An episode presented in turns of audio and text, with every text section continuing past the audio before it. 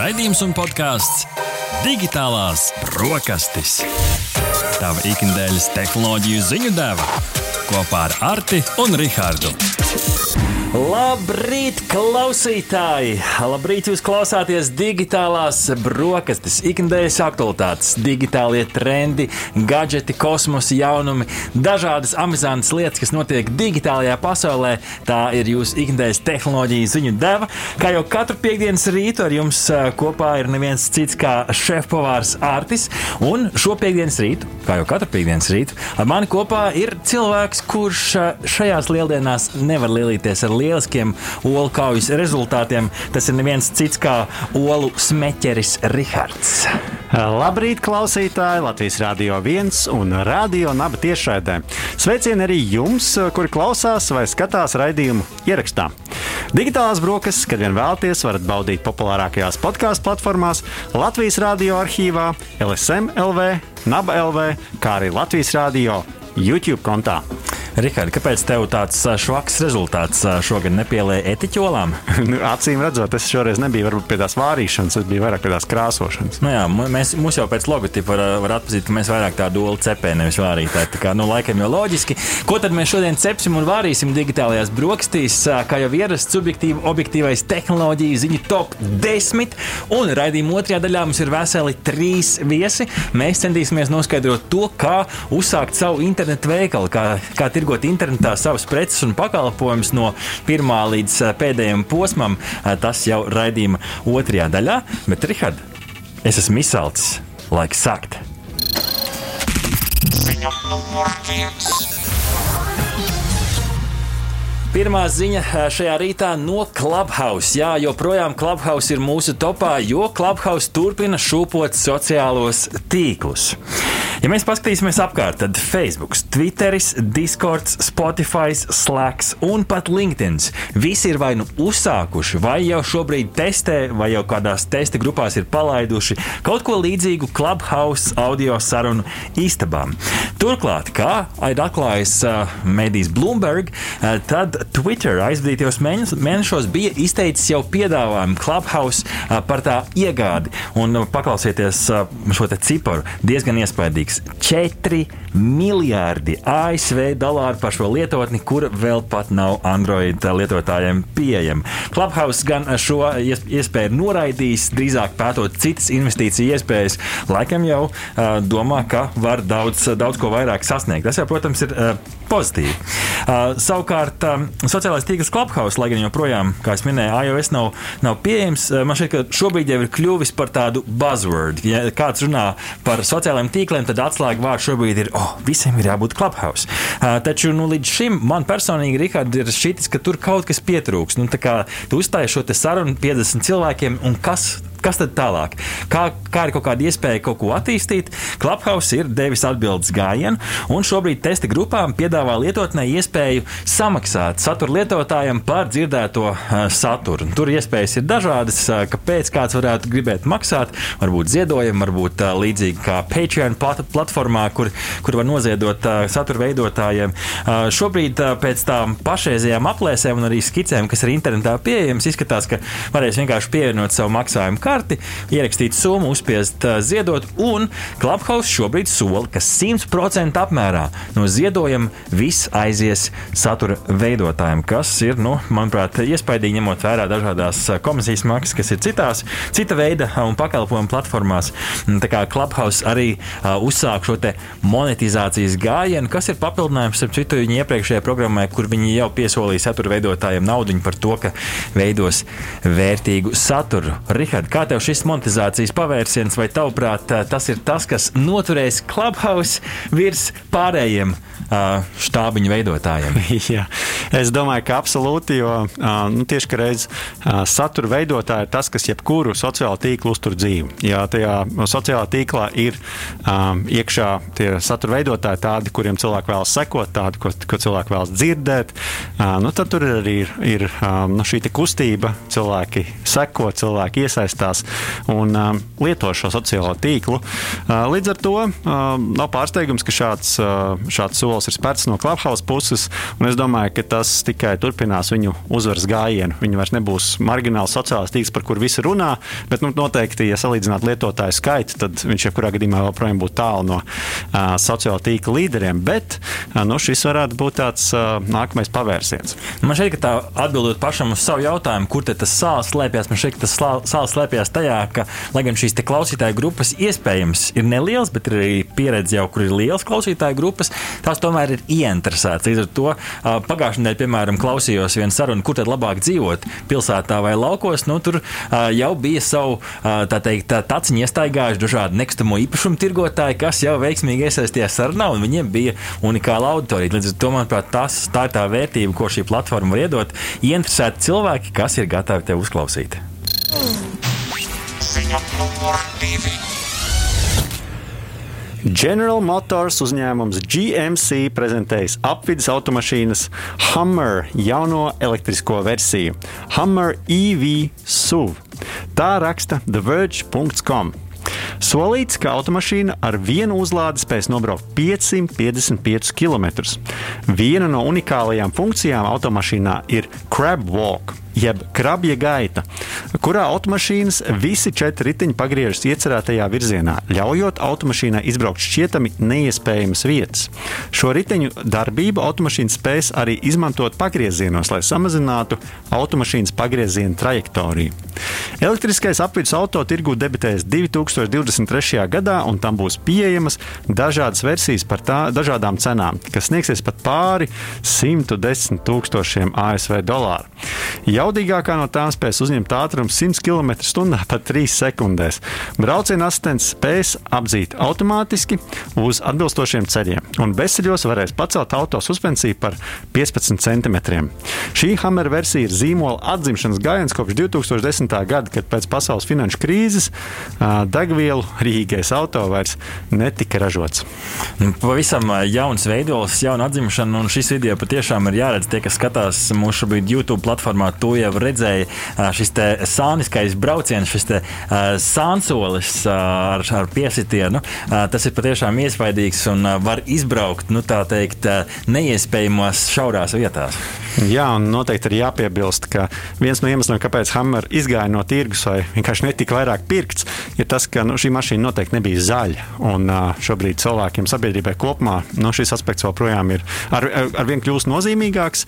Un arī, arī 2010. Gadā, kad sakrita vairāk šie apstākļi, un tad, lūk, jau tad tika spekulēts, ka gan jau Hammers atgriezīsies ar savu elektrisko versiju, nu, tas ir noticis. Tankeri pārvēršas par elektrotankeriem. Hammers arī. Rihard, kas ir vēl atlicis? Kurš vēl ir tas rīgais briesmonis, kur jāizvieto ar elektrodzinēju? Es domāju, ka viens no lielajiem izaicinājumiem ir uh, mūsu lidaparāti, jeb lidmašīnas. Un, ja to izdosies um, pārvērst ar, tā teikt, šajā te zaļajā enerģijā, tad uh, es domāju, ka tas būs liels pavērsiens. Ziņa numur 3. Liels pavērsiens eh, tehnoloģiju pasaulē, tīpaši vietāluņu nozarē, ir eh, paziņojums no uzņēmuma LG, kurš ir pārsteidzis savus skolākos fanus ar paziņojumu, ka tas eh, izbeigs savu vietāluņu ražošanu. Tā ziņo TheVerge.com. Šo te gājienu, protams, uzņēmums oficiāli pa, nu, pamato ar to, ka viņi vēlās koncentrēties uz cita veida elektrotehnikas izstrādi, tur elektriskie transporta līdzekļu detaļas, lietu internets, B2B risinājumi jautājumi. Um, protams, uh, laikam jau īstais pamats šim ir diezgan finansiāls un racionāls uh, apsvērums, ka uh, pēdējos piecus gadus tieši vietāluņiem viņiem nav gājis ļoti labi. Uh, uzņēmums gan šobrīd uh, mierina savus uh, esošos vietāluņu um, lietotājus un tos, kuri varbūt vēl vēlās nopirkt tos LG vietāluņus, kas ir tirgū, ka Android vietāluņiem šis uh, uh, support laiks, jeb šo uh, atbalsta laiks vēl būs vesels trīs gadus līdz ar to nu, tāds vidējs vietāruņu dzīvošanas ilgums. Ja mēs paskatāmies uz tiem pēdējiem LG izgājieniem, tad, diemžēl, laikam šis slavenais reklāmas rullīts ar atrulējumu tālruni laikam tikai paliks par reklāmas rullīti, jo šis atrulējumais tālrunis tā visticamāk arī savu dienas gaismu neieraudzīs. Un, ja atceramies, tad šis LG Wing vietālrunis arī izcēlās ar interesantu formu, T veida formu ar atvēršamu ekrānu, divi ekrāni vienā no nosacīti. Arī šis laikam nebija tas pīķtrumpis, ko šie kāroja. Tā kā, nu, Rihard, vesela ēra būs atkal beigusies, tāpat kā Hammers varbūt kādien atgriezīsies. Jā, nu kas to zina? Es domāju, ka LG ir liels uzņēmums un visas tās iestrādes, kas ir veidotas mobiliem telefoniem, es domāju, tiks izmantotas uh, citās tehnikas vienībās un, un uh, nekur tā zināšanas nepazudīs. Varbūt sarulējumi ekrāni būs kaut kur citur.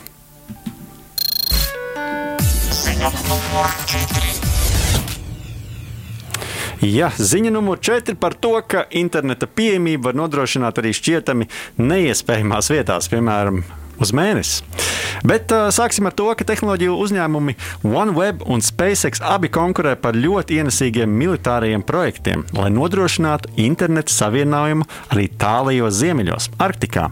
Par to ziņo TheVerge.com. Uh, piemēram, apvienotā karaliste strādā pie 6,9 miljardu ASV dolāru vērta Project Gigabit programmas, kuras ietvaros Arktikā vajadzētu ieviest zibens ātru internetu savienojumu.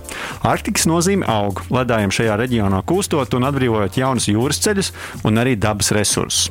Savukārt, kā raksta kursors.lv, Nokia tiecas uz mēnesi virsmas ierīkot 4G internetu pat ar 5 km darbības rādījus.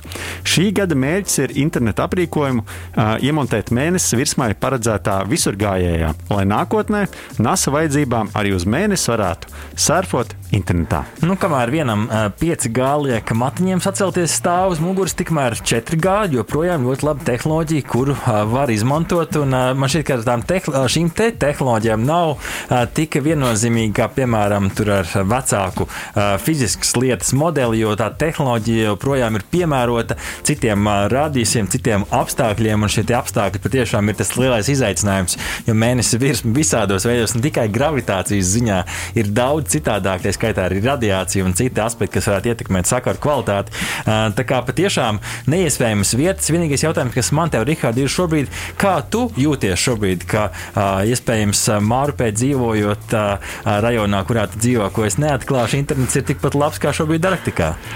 Jā, iespējams, ka uz mēnesi internets būs labāks nekā, nekā Mārupas pusē, bet kas to zina, cerēsim, ka, ka arī līdz mums tiks tas optiskais internets. Ziņa numur 5.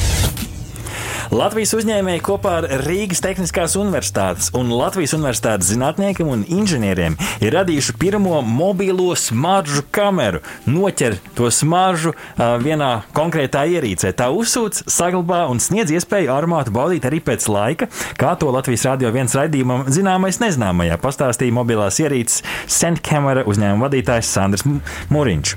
Ierīce šobrīd izskatās kā tāds liels koferis, taču pati tehnoloģija no šī kofera patiesībā aizņem diezgan nelielu, jeb šo ceturto daļu. Tā atklāja uzņēmuma vadītājs un mēķis šai te tehnoloģijai ir to uztaisīt pēc iespējams, protams, mazu, pārnēsājumu un viegli lietojamu. Noteikti laiku smarža tiek iesūknēta tādā kā kambarī, kur savienojumi tie, to atveido, akumulē un pēc, nu, pēc kaut kāda laika pēc tam evaporētu uz āru, izplatītu, lai šī smarža joprojām būtu saglabājusies. Šobrīd uzņēmēji cer, ka pirmie pirmie prototypi būs, būs gatavi nākamā gada vidū, lai pēc tam jau šo te tehnoloģiju varētu iznest uz āru. Es nezinu, Rihard, vai tu redzēji filmu Perfume? Un tur šī pieeja bija nedaudz brutālāka. Tur burtiski cilvēki tika uh, saciesti gabaliņos, lai izspiestu no viņiem smaržu. Šeit tā šī pieeja laikam jau daudz humānāka. Jā, un es eh, sāku domāt par visādiem veidiem un uh, situācijām, kad es gribētu iemūžināt to smaržu. Tas ir mans jautājums tev. Kas ir smarža, ko tu gribi noķert, lai tu varētu izvilkt ideālā gadījumā kā tādu mazu kartiņu ārā no, no kabatas, pasmažot, un tur ir tā unikālā smarža? Kas tas ir? Jā, es domāju, tur par daudzām sentimentālām lietām varētu domāt. Nu, piemēram, kā smaržoja tava kāzu diena vai izlaiduma diena. Jautājums, kur, kuru daļu tu mēģini noķert un cikos, kādo, kādā pulkstenī. Jā. Bet jā, es laikam gribētu vienkārši noķert tādas sulīgas picas garšu. Da, dargie skatītāji un klausītāji, palieciet kopā ar mums! Godlike! Ziņa numur 6! Ja klausītājs sveicam jūs atpakaļ pie digitālo brokastu galda un turpinam ar ziņu numuru 6. Sociālais tīkls Facebook saviem lietotājiem sāks piedāvāt iespēju ierobežot uh, loku ar cilvēkiem, kas var komentēt viņu ierakstus. Iespējams uzstādīt, lai to var izdarīt visi, visi draugi vai arī tikai ierakstā minētās lapas vai cilvēki. Šī izmaiņa tika ieviesta pēc tam, kad Austrālijas mediju kompānijas tika vainotas nespējā apsekot uh, neslavu ceļošu komentārus to lapu ierakstos. Šī kopumā tiek prognozēta kā iespēja, kas vairāk uzrunās tieši Facebook lapu administratorus, kuriem ir bijušas grūtības sekot līdzi visiem komentāriem zem to ierakstiem. Facebook arī sāks ērtāk piedāvāt iespēju lietotājiem pārslēgties starp uh, chronoloģisku un algoritmisku ziņu lentu tās iestatījumos. Papildus tam lietotājiem arī būs pieejama informācija, kāpēc viņiem tiek rādīti konkrēti ieraksti. Jaunās iespējas sākumā būs pieejamas Android un vēlāk arī iOS lietotājiem. Gan arī varētu samainīt šīs abas rindkopas vietām, jo patiesībā šī ziņa par uh, newsfeed maiņu es neesmu izsekojis, Rihard, godīgi teikšu.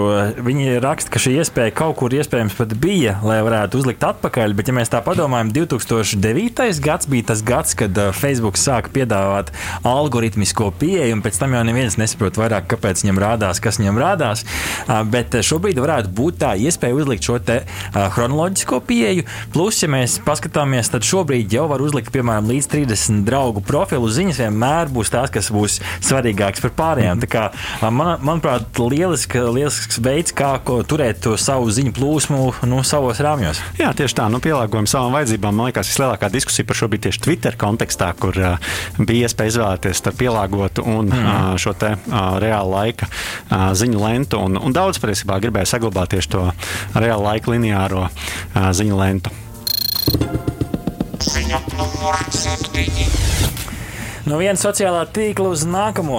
Sociālais tīkls Instagram, nu, laikam jau nevienam par pārsteigumu, turpina kopēt TikTok funkcionalitāti un ir pievienojis tādu populāru lietu kā dueti. Duets, jeb šo dueti Instagram šo te sauc par remix reel, jeb šo, nu, TikTokā ir vienkārši video, kas, video feeds, kas iet uz, iet uz priekšu. Instagramā šo sauc par reels, jeb šo rullīši, kinolents rullīši. Līdz ar to pievienojam klāt remix un ir gatavs jauns produkts, kas ļauj lietotājiem pievienot blakus savam klipam vēl vienu klipu ar sevi. Tā padarot iespēju uztaisīt diezgan komiskus video, video ainiņus, kur pats ar sevi var sarunāties un izspēlēt citādas amzierīgas lietas.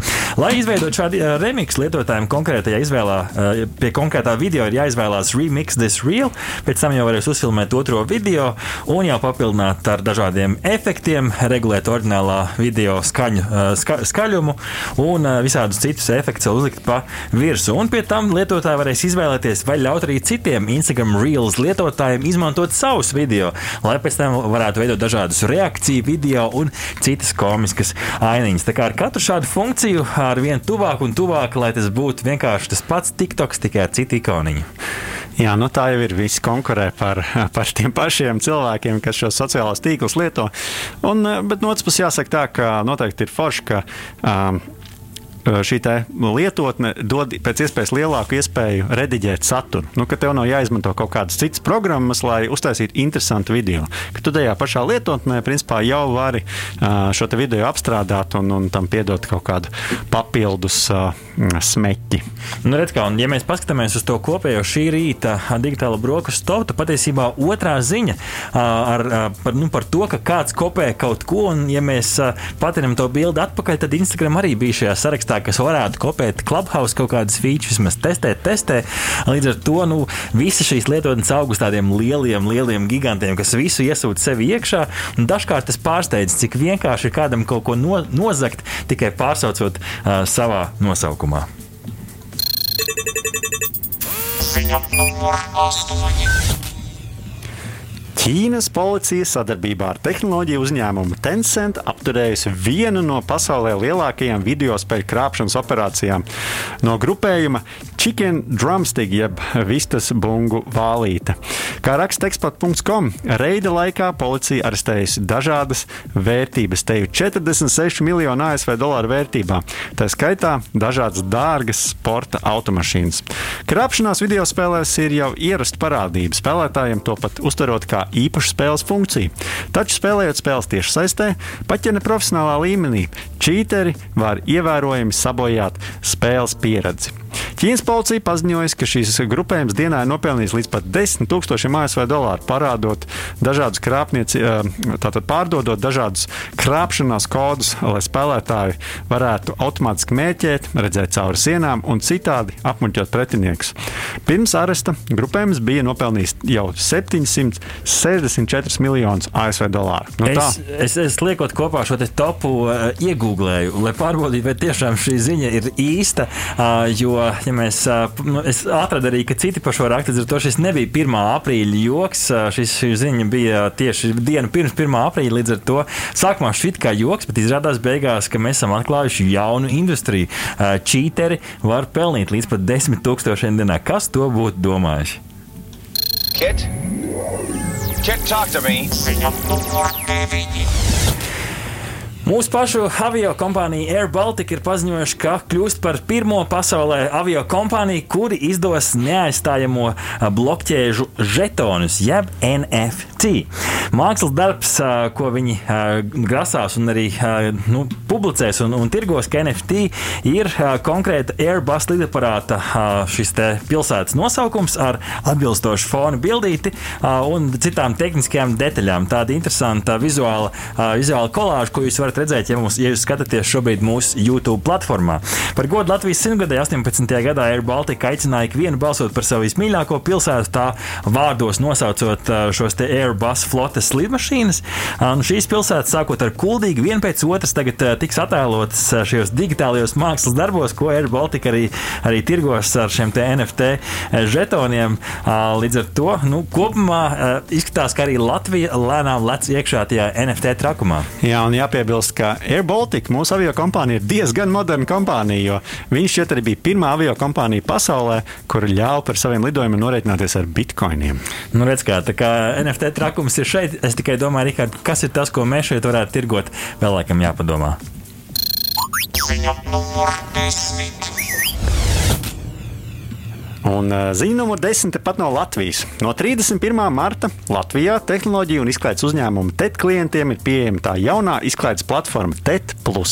Platforma nāk ar solījumu, klientiem dot iespēju pašiem izvēlēties un kombinēt sev interesējošu televīzijas kanālu sarakstu, un to likt kopā ar filmu un seriālu straumēšanas abonementu. Jaunā TET plus izklaides platforma ir balstīta punktu sistēmā. Divi abonementi ar 80 vai 120 punktiem, par kuriem var izvēlēties kanālus.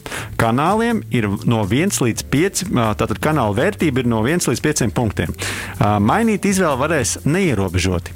Skatītājiem, kuri paši nevēlas kārtot savu kanālu sarakstu, viņiem pieejams būs populārākas, populārākās kanāla izvēles. Lai arī kādu punktu skaitu un kanāla kombināciju skatītājs izvēlētos, viņam vienmēr būs pieejami bonus kanāli, kas punktus netērēs.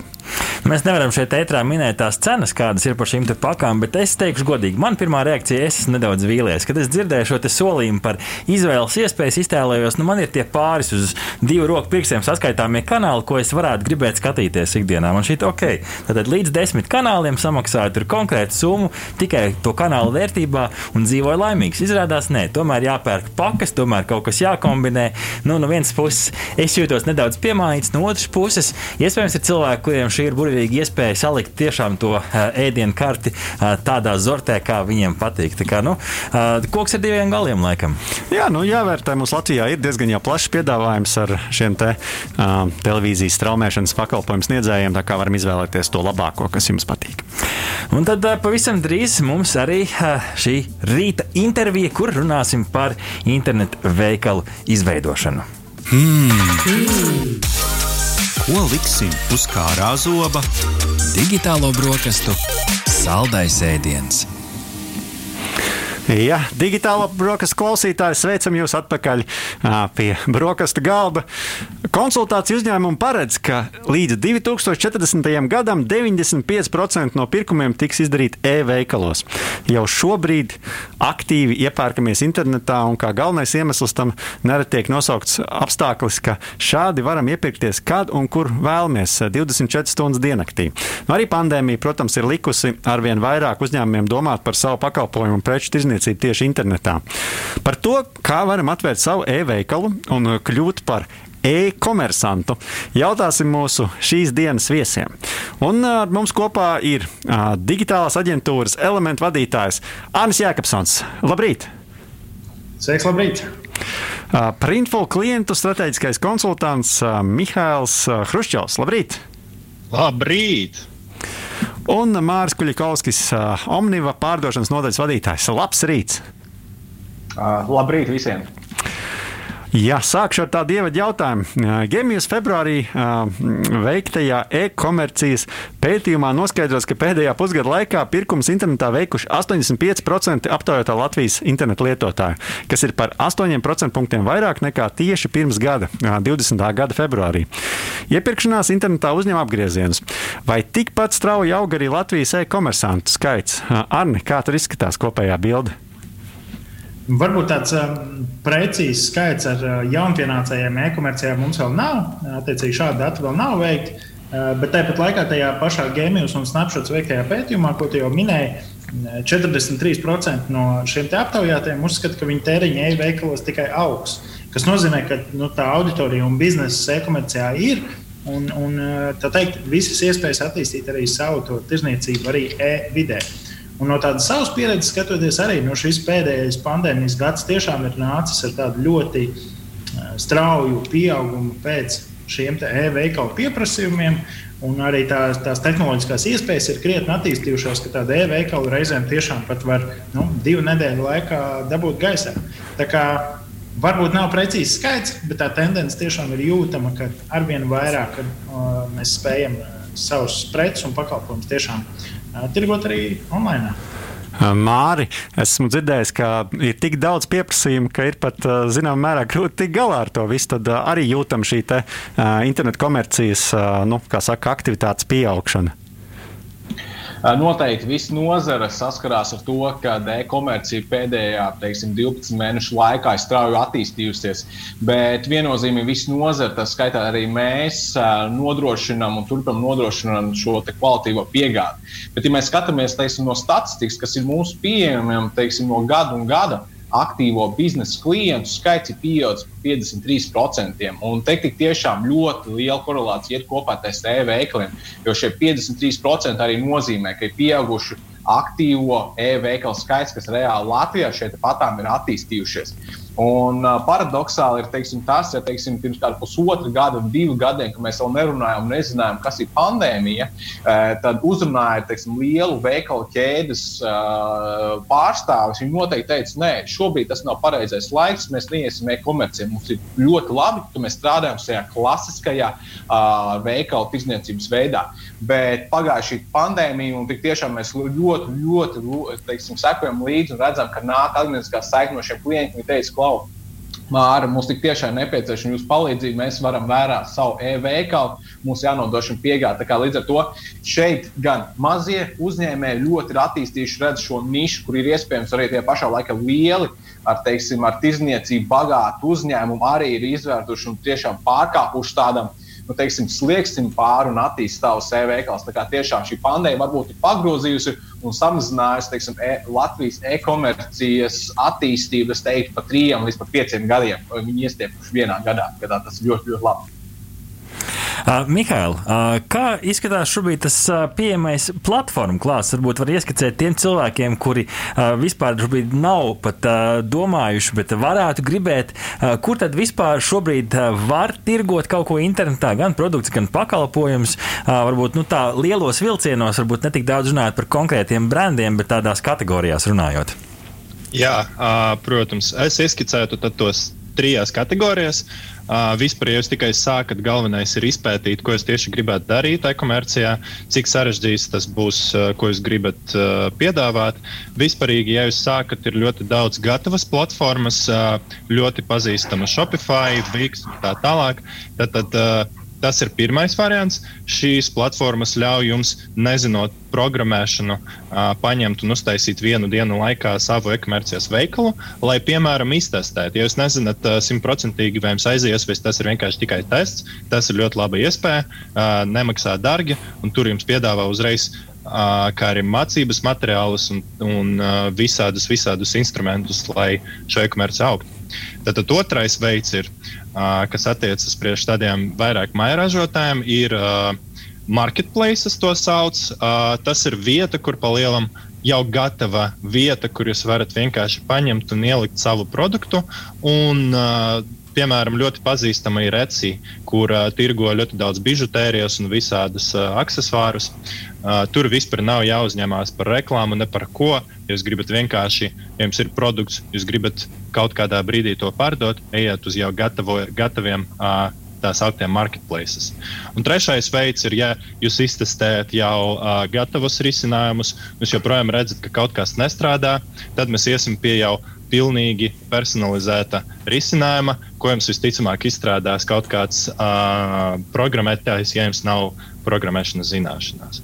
Un tad tas ir tie trīs galvenie veidi, kā var atvērt uh, šobrīd e-komerci. Mm -hmm. uh, lieliski! Paldies par tādu nu, kompaktu mm -hmm. izklāstu. Uh, iziesim cauri nu, vairākiem tādiem uh, potenciāli e-veikala atvēriem profiliem. Un, uh, Arni, tu varbūt vari tā nu, ātri iezīmēt, kas ir tie, uh, nu, kas ir tie galvenie, uh, galvenie uh, virzieni, kuros šādiem cilvēkiem lūkoties. Nu, tad iezīmējam pirmo profilu. Es esmu mākslinieks vai māržotājs hobija līmenī, uh, kurš neregulāri, ja varbūt arī sezonāli, rada savu savus produktus, eh, bet nu, vienlaikus vēlas tos uh, tirgot tieši arī internetā. Nu, kurā virzienā man lūkoties? Nu šeit, eh, šeit līdzīgi, kā jau Mihāls minēja, ir vairākas jau platformas, kur var nu, teikt, dabūt pusgatavus risinājumus un pielāgot savai vajadzībai. Bet tas, ko tu minēji par tādu sezonālu pārdošanu, tad jāņem vērā, ka lielākoties šīm platformām, jebkurā gadījumā, ir kaut kāda ikmēneša izdevuma. Nu, tādā ziņā pat, ja, piemēram, trīs mēnešus mēs neko netirgosim, bet mēs gribam, lai šī platforma tomēr darbojas, nu, tad tie ikmēneša izdevumi tomēr būtu jāsadz. Bet uh, kopumā skatoties uz tādu nu, vispār, ko līdz mēs uzsākam e-komercijas biznesu kā tādu, Nu, tur ir tādas divas daļas. Viena ir tā redzamā daļa, jeb šī platforma, un, protams, ir tā aizberga neredzamā daļa, kas ir klienta servis, norēķini, loģistika un visi, visi attiecīgi šie biznesa jautājumi. Bet tādam nu, māksliniekam, nezinu, tā es šuju kaut kādas lietas ļoti neregulāri. Tad tādas marketplace, jeb tirgus platformas kā Etsy, manuprāt, varētu būt vispiemērotākās. Jā, nu tagad iztēlojamies otru situāciju. Esmu neliels ražotājs, tāpēc savu produkciju nevarēšu pārdot tirgošanai lielveikalā. Nu, tā tad man tas apjoms nav tik eh, ievērojams. Bet eh, tā pašā laikā tas ir mans pamatdarbs un eh, nu, savus produktus gatavoju ikdienā. Līdz šim esmu izmantojis nu, Latvijā tādu jauku tradīciju, gada tirgi ir vai ne dažādi pieejami. Esmu tirgojis tur pro, savus, nu, savus produktus, bet nu, tagad, ņemot vērā pandēmiju, gribu pāriet uz interneta, interneta veikala risinājumu. Nu, kurā virzienā šādā gadījumā man skatīties, kurš varētu būt ieteicamākais risinājums? Nu, arī, arī šajā gadījumā patiesībā tās platformas tiešām ir desmitiem un iespējams pat jau simtiem. Tā tehnoloģiskā attīstība tiešām gājusi ļoti strauji uz priekšu, un neobligāti ir nepieciešams uzreiz iesaistīt programmētāju, un, un e, neobligāti ir šīs zināšanas. Bet lielākoties tiešām šādiem maziem e, ražotājiem tās ir vai nu nu, piemēram, mūsu pašu Latvijas muzelo vai nu, tāds starptautiski lielāks zināms Shopify. Skaidrs, ka vēl ir kaudze citu līdzīga platforma, bet jā, vai Mozilla vai Shopify tās varētu būt tādas tiešām nu, viens no populārākajiem, kas mums šeit Latvijā ir. Jā, un nereti nu, šādiem te, uh, tirgotājiem, kuriem jau ir kaut kāda nu, tāda, uh, nu, biznesa jau diezgan regulārs un, un, un pamatīgs, bet nu, ne milzīgi apjomīgs, nu, ir kaut kāda mājaslapa. Nu, tur uz WordPress bāzes esmu kaut ko uztaisījis. Uh, jautājums, vai tos risinājumus parasti var integrēt šādās mājaslapās, vai vispār ir vērts veidot uh, nu, to uh, risinājumu, integrēt savā mājaslapā, varbūt labāk izmantot uzreiz kaut kāds cits platformas. Kā, kā, kā, tas, kā šis jautājums ir, vai to ir vērts apsvērt? Šis, protams, atkal nu, jāstāsta no, no zīmola rocības, respektīvi, nu, cik daudz kādus resursus mēs varam ieguldīt. Bet, ja mēs runājam konkrēti par uh, WordPress platformu kā tādu, tad jā, WordPress uh, platformu mēs varam attīstīt tālāk, uh, likt klāt tādus WooCommerce uh, moduļus. Un neobligāti mums ir jāsāk kaut kas pilnīgi no, no jauna. Mēs vienkārši esošo WordPress lapu spējam pielāgot nu, šai e-komercijai likt klāt papildus spraudņus un, un, un šos te, e-komercijas blokus. Tas tiešām ir iespējams. Skaidrs, ka katrā konkrētajā gadījumā jāstāsta, nu, kā ir ši, būvēta šī lapa, vai tas nu, teikt, neradīs galvas sāpes pēc tam gan pašam zīmolam uzturēt šo lapu, gan arī no izstrādes viedokļa, bet iespējas pavisam noteikti ir. Jā. Uh mhm. -huh. Es domāju, kas ir tas eh, mirklis, kad eh, teikt, tie svara kausi nosverās par labu eh, jau nu, teikt, sava interneta veikala veidošanai, vai tas ir brīdis, kad jau tā nu, produktu ražošana nosīt jau ir tāda aktīvāka, regulārāka, piemēram, kāds ražojošs uzņēmuma pārstāvis. Tas ir tas mirklis vai tas arguments, kurš nu, nosver tos kausus par to, ka beidzot ir jā, jā, nu, jāveido kaut ko savu. Uh, šeit arī, protams, tie scenāriji ir dažādi, bet lielākoties uh, uzņēmumi nonāk pie secinājuma, ka mums vajag nu, teikt, pilnībā savu platformu un nebalstīties varbūt uz kādiem gataviem risinājumiem. Ir situācijās, kad šīs platformas nespēja apmierināt kaut kādas ļoti konkrētas vajadzības. Un, uh, iedošu pāris piemērus. Viens piemērs varētu būt jāintegrē kāda ļoti specifiska grāmatvedības programma, ko, piemēram, nu, neatbalsta Shopify vai kāda no citām platformām. Tad šajā gadījumā jā, varētu izskatīt iespēju par sava interneta veikala izveidi. Nu, tā skaitā, protams, arī noliktavas dažādas pārvaldības programmas, ļoti specifiskas lojalitātes programmas, kas varbūt arī nu, nav atrodamas šādās gatavajās platformās. Tā kā, nu, Bet tie savukārt jau būs tiešām nu, tādi vidēji, vidēji lieli un arī lieli uzņēmumi, kuri, uh, kuri ir gatavi patiesībā arī investēt. Jo uztaisīt pašiem savu e-veikalu no, nu, no nulles, tā varbūt sākotnēji tiešām ir gana liela investīcija, kas uh, nu, ne visiem zīmoliem ir uh, teikt, iespējama. Bet, ja ir kaut kādas tiešām ļoti specifiskas vajadzības, tad, tad pavisam noteikti būtu jātaisa kaut kas savs. Uh mhm. -huh. Mihāli, ja es esmu šajā jautājumā sapratis, ka man tomēr gribās kaut ko savu, veidot savu lojalitātes programmu vai citas custom iespējas, kas ir tie pirmie soļi no programmatūras skatu punkta, ar kuriem jāiet, ir, lai, lai veidotu šo internetu veikalu? Es vispār tieši gribēju piebilst Arnim, runājot par tiem lielajiem uzņēmējiem.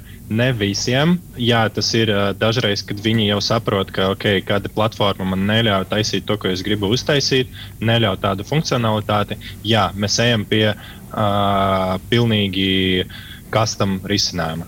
Uh, vispār, ko es redzu, tā kā mēs strādājam printfilā ar lieliem klientiem, ko es redzu, ir, ka pat milzīgas uh, e-komerces giganti, viņi nevēlas uh, taisīt savu, uh, savu kaut kādu pilnīgi savu risinājumu. Um, ja mēs runājam jau, ok, šī platforma man neder, es izpētīju visas pārējās platform, gatavas platformas, kā Shopify, Mozilla, Wix, WooCommerce un tā tālāk. Un tā tālāk. Neviens nevar man piedāvāt uh, tādu risinājumu, ko man vajag tad mēs ejam pie, nu, reāli pirmais solis būtu saprast, kas ir tā lieta, kāpēc mēs uzbūvētu šobrīd savu, pilnīgi savu uh, ve, uh, websaitu. Ja tas ir tiešām un laika investīcija, un naudas investīcija jums nav pie rokas uh, programmētāju resursus, tad, tad uh, jā, es domāju, divi galvenie soļi būs saprast, kāda ir funkcionalitāte, ko mēs gribam sasniegt ar šo piedāvājumu, ar šo pilnīgi jaunu, um, jaunu platformu. Otrais, kurš to var uztaisīt?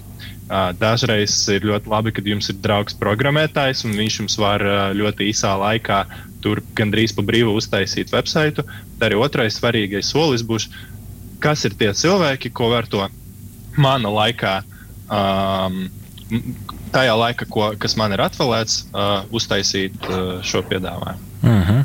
Man šķiet, ka vēl viens jautājums, kas, kas cilvēkus varētu interesēt, ir tīpaši mēs runājam tādā nu, mairažotāja līmenī, ir kā tad ir tā naudas plūsma. Nu, cilvēkiem, kas nu, iespējams ir tirgojuši klātienē, dažādos gadu tirgos, tur tu satiec klientu, nauda nonāk pie tevis, pēc tam vienkāršā grāmatvedība un lieta darīta. Kā ir šajā digitālajā vidē, Mihail, kā tu, kā tu noraksturo tā lielos vilcienos, kāds ir tas naudas ceļš un kas ir vajadzīgs man lielos vilcienos, lai vispār nu, iekustinātu arī šo finanšu pusi? Okay. Jā, labs jautājums. Es domāju, ka varbūt kolēģi arī varēs piekomentēt, ko uh -huh. es no savas puses varu pateikt. Ir, uh, piemēram, atkal gandrīz visām gatavām platformām ir tas augsts checkout. Tad jums nav, jums nav jāuztraucās par to, kā cilvēki maksās par manu produktu. Tur jau par lielu tas jau ir gatavs. Ja mēs runājam par atkal pilnīgi jaunu kaut kādu piedāvājumu uh, websaitu, tad tur arī vajadzēs uh, iesaistīties ar kaut kādiem servisa uh, sniedzējiem. Tie, kuri var piedāvāt, piemēram, sakot ar visvienkāršāko uh, kredītkarti un debitkarti, bet tādā ejot tālāk uz tādiem eksotiskiem, sauksim tos, uh, maksāšanas veidiem kā Apple Pay, uh, Google Pay. Uh, un uh, tagad ļoti populāra kļūst postpay funkcija, ka tu vari maksāt pa daļām katru mēnesi. Uh -huh. Uh -huh. Uh, bet tādā gadījumā jums vajadzēs, ja atkal jūs taisat savu, savu pilnīgi savu risinājumu, tur vajadzēs uh, iesaistīties vai nu ar kaut kādu banku, vai ar kaut kādu uh, kompāniju, kur piedāvā tādu servisu mm -hmm. priekšējā komercijas maksājumā. Fadmi, kā ir ar tiem uh, nu, pielāgotiem risinājumiem, kur, kā, kā tur tā naudas plūsma ir? Tā kā Mikls noraksturā, vai tur ir vēl kādi aspekti, kas jāņem vērā? Nu, tādi Nu, lielās kategorijās varbūt savalkot kopā, tur tādas divas opcijas. Viens ir piesaistīt šos maksājumu agregātors, jeb nu, servisus, kas apkalpos un apstrādās eh, jebkādus maksājumus, kādu vien, nu, attiecīgi pēc tam pircējiem ir par rokai. Eh, bet kur varbūt ir tas klupšanas akmens, ka šādiem agregatoriem, šādiem servisiem tās komisijas maksas ir lielākas. Attiecīgi, man kā uzņēmējam, ja es gribu savu e-komercijas veikalu, eh, bet es gribu to visu nu, darīt iespējami vienkārši, un es ņemu šādu agregātoru, tad man jārēķinās, ka no tās nu, preces cenas man tomēr būs jāšķirās no lielākas komisijas maksas. Un otrs ceļš ir nu, tieši iet pa taisno, slēgt līgumus ar kādām konkrētām bankām. Un Latvijā šobrīd tie banklinki saucamie ir arī vispopulārākais norēķina veids aiz maksājuma kartēm. Tā kā, jā, otrs ceļš tiešām ir iet pie konkrētām bankām, kas varbūt ir uzņēmējiem jau, nu, kur konti jau ir vaļā. Un trešais, protams, arī ir jau, nu, kas varbūt arī, kā Mihāls teica, ir jau tie eksotiskie maksājuma veidi, un pavisam nesen PayPal eh, pievienoja savām maksājuma opcijām arī kriptovalūtu, ne tikai bitkoinu, bet arī litecoin un citus. Kā, bet tur, man liekas, mēs vēl Latvijā neesam. Jā, nu, esam, Esam dzirdējuši, ka ir Baltikas ļauj par savām biļetēm norēķināties ar bitkoinu iespējams, bet nu, tas Lēnā ir garā, jā. tāds eksotisks uh, risinājums. Um, jā, bet uh, gribēju uzreiz vaicāt uh, Mārim. Nu, tātad mēs esam uh, maksājuma risinājumu atraduši, mēs esam iespējams arī atraduši to e-veikalu risinājumu, bet uh, kādas Latvijā šodien ir pieejamas preču piegādes iespējas? Dažādi kurjeru servisi, paku izņemšanas automāti, pasts un uh, nu, kur no piegādes servisiem var integrēt tādos internetu veikalu automātiskajās ķēdēs. Un, un kā to vispār var tāds, nu, izdarīt, tāds, piemēram, mājražotājs, jo viņam jau tā prece ir kaut kā jāpiegādā tam savam klientam. Eh, nu, sākumā es, teiksim, es iedalīšu to piegādi uh, trijās daļās, kā mēs viņu iedalījām vispār šajā nozarē. Teiksim, pirmā lieta, kas ir saņemšana pakumātos, sūtījuma saņemšanas punktos, tajā skaitā arī pastu nodaļas. Tad no otrs faktors ir kurjers. Uh, kurjers, kur, kurš piegādā sūtījumu līdz konkrētam adresātam uz, uz vietas. Un tas pēdējais populārais šeit Latvijā, ko daži, nu, teiksim, uh, Eh, biznesa klienti piedāvā, ir saņemšana savos veikalos, un, teiksim, izņemšanas punktos.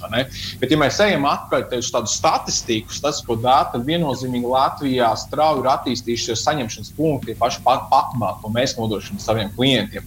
Un, ja mēs skatāmies teiksim, pēc pagājušā gada datiem, tad skatoties SPRK datus kopējās, tad kurjeru sūtījumi, kas ir gājuši tikai pa Latviju, tikai uz viet, vietējos, ir zem 4 miljoniem. Ja mēs skatāmies omnibus datus, teiksim, kas ir bijis pagājušajā gadā, tad ir uh, virs 4 miljoniem sūtījumu tikai viens uzņēmums, un tā ir tikai viena daļa no visas nozares. Un, ja mēs salīdzinām no gada uz gadu, teiksim, pakumāta ziņā sūtījumu pieaugums ir bijis par 84%. Tieši kurjeru sūtījumi ir, ir tikai pieaugums par 18%. Līdz ar to mēs redzam, ka klients Latvijā izvēlās pakumu. Tas ir dominējošais saņemšanas veids, un tas ir ļoti, ļoti, ļoti arī būtiski. Un, ja mēs iedziļināmies tālāk, tad kurjeris viennozīmīgi būs tikai tajos gadījumos, kad tas ir kaut kas liels, kaut kas ārpus 30 kg, vai nepieciešams piegādes brīdī parakstīt leasing dokumentu, kas ir obligāti tas fiziskais kontakts jābūt. Bet principā visi sūtījumi, kas ir zem 30 kg un ietilpība tajā izmērā, ko cilvēks vai sieviete var pacelt rokās, tad uh, mēs redzam, uh, pēc tam klientu, mūsu biznesa klientu aptaujām, no 80 80 līdz 90% izvēlās šobrīd taisnību pakumātu vai arī kādu sūtījumu saņemšanas punktu.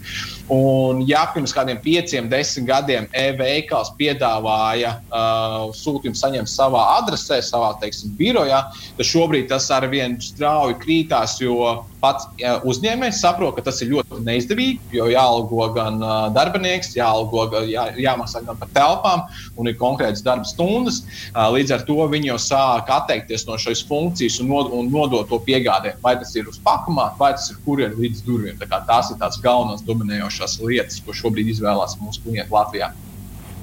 Jā, nu gribēju vēl pavaicāt par tādu aspektu attiecībā uz piegādi. Nu, teiksim, esat tas mairažotājs, vēl, kā, vēl kāds ražotājs, un nereti gadās, tomēr, ka tas klients līdz galam nav apmierināts ar to preci, un tad tā preci ir jāatgriež atpakaļ. Un tad kā šādos e-veikalos šī funkcionalitāte strādā? Jo nu, tas tāds izaicinājums, ka kaut kas jāsūta atpakaļ, tad nauda jāatgriež. Nu, tāds sarežģīts process. Tas, tas varbūt izklausās sarežģīti, bet īstenībā mēs jau, nu, teiksim, visi, kas strādā šajā nozarē, cenšamies šo lietu atvieglot. Un, teiksim, viens no tādiem pašiem, pašiem vieglākajiem lietām, ko klientiem mēs piedāvājam, teiksim, saņemot sūtījumu ar to pašu pakumātu, tur ir tas pats arī saņemšanas kods, ar kurus var saņemt šo sūtījumu, piemērīt, apskatīties to produktu. Un, ja man nepatīk, man ir šajā pašā īsiņā atgriešanas kods, ar kuru es 14 dienu laikā varu atgriezt šim izsūtītājam. Līdz ar to no patērētāja viedokļa tas ir ļoti, ļoti ērti. Viņš var pielaikot, viņš var izdarīt visu tā, lai būtu viņam ērti, bet tajā pašā laikā e-veikalam ļoti būtiski šos visus atgriešanas lietas atrunāt savā internetu veikala noteikumos. Kā arī tas ir tāds mārketings, kā pie, piesaistīt atgrieznisko saiti klientam un piedāvāt šo atgriešanos. Uh, un tā trešā lieta noteikti ieteiktu e-veikaliem uh, sekot līdzi, kuri sūtījumi tiek atgriezti, kuri preci tiek atgriezti, lai ir datu bāze, lai ir uh, noliktavas teiksim, uh, informācija, ka kāds sūtījums atgriezts, lai varētu atkal ielikt apritē šo konkrēto preci, kur ir atgriezta. Un nebūtu ne viņa krāķā, bet varbūt viņa nav derējusi saņēmējiem. Tas viss, viss ir izdarāms, un šobrīd ar mūsu sistēmu tas ir ļoti, ļoti ērti. Jā, nu, katrā ziņā man liekas, tāda aizraujoša pasaule, jauna. Noteikti daudz klausītāju tagad arī domās, kā tad atvērt to savu e-veikalu, un esam tiešām izgājuši tiem lielākajiem posmiem cauri. Līdz ar to teikšu paldies mūsu šīs dienas viesiem Adam Jākamsonam no digitālās aģentūras Element, Mihailam Hrušovam no Printful, Mārim Kuļakovskim no Omnija. Paldies jums par ekspertu ieskatu šajās e-veikala atvēršanā. Paldies par kopīgiem rakstiem! Paldies jums! Bija paldies! paldies. Rihard, ko servēsim nākamnedēļ? Jā, patiesi klausītāji, esiet kopā ar mums arī nākamajā piekdienā, kad kā ierasts iepazīstināsim jūs ar tehnoloģiju jaunumiem, kā arī runāsim par to, kāda ir video blogeru jeb youtuberu ikdiena. Paldies, ka bijāt kopā ar mums šajās brokastīs. Mūzikas redaktors Girts Bišs, pie režijas pults Arnolds Auziņš, raidījumu veidoja radionāba autori Artis Ozoliņš un Rihards Blese, speciāli Latvijas Radio 1. Tu klausījies digitālās brokastis. Katru piekdienu no 10 līdz 11. Arī podkāstu formātā, populārākajās platformās. Digitālās brokastis. Tava ikdienas tehnoloģiju ziņu deva.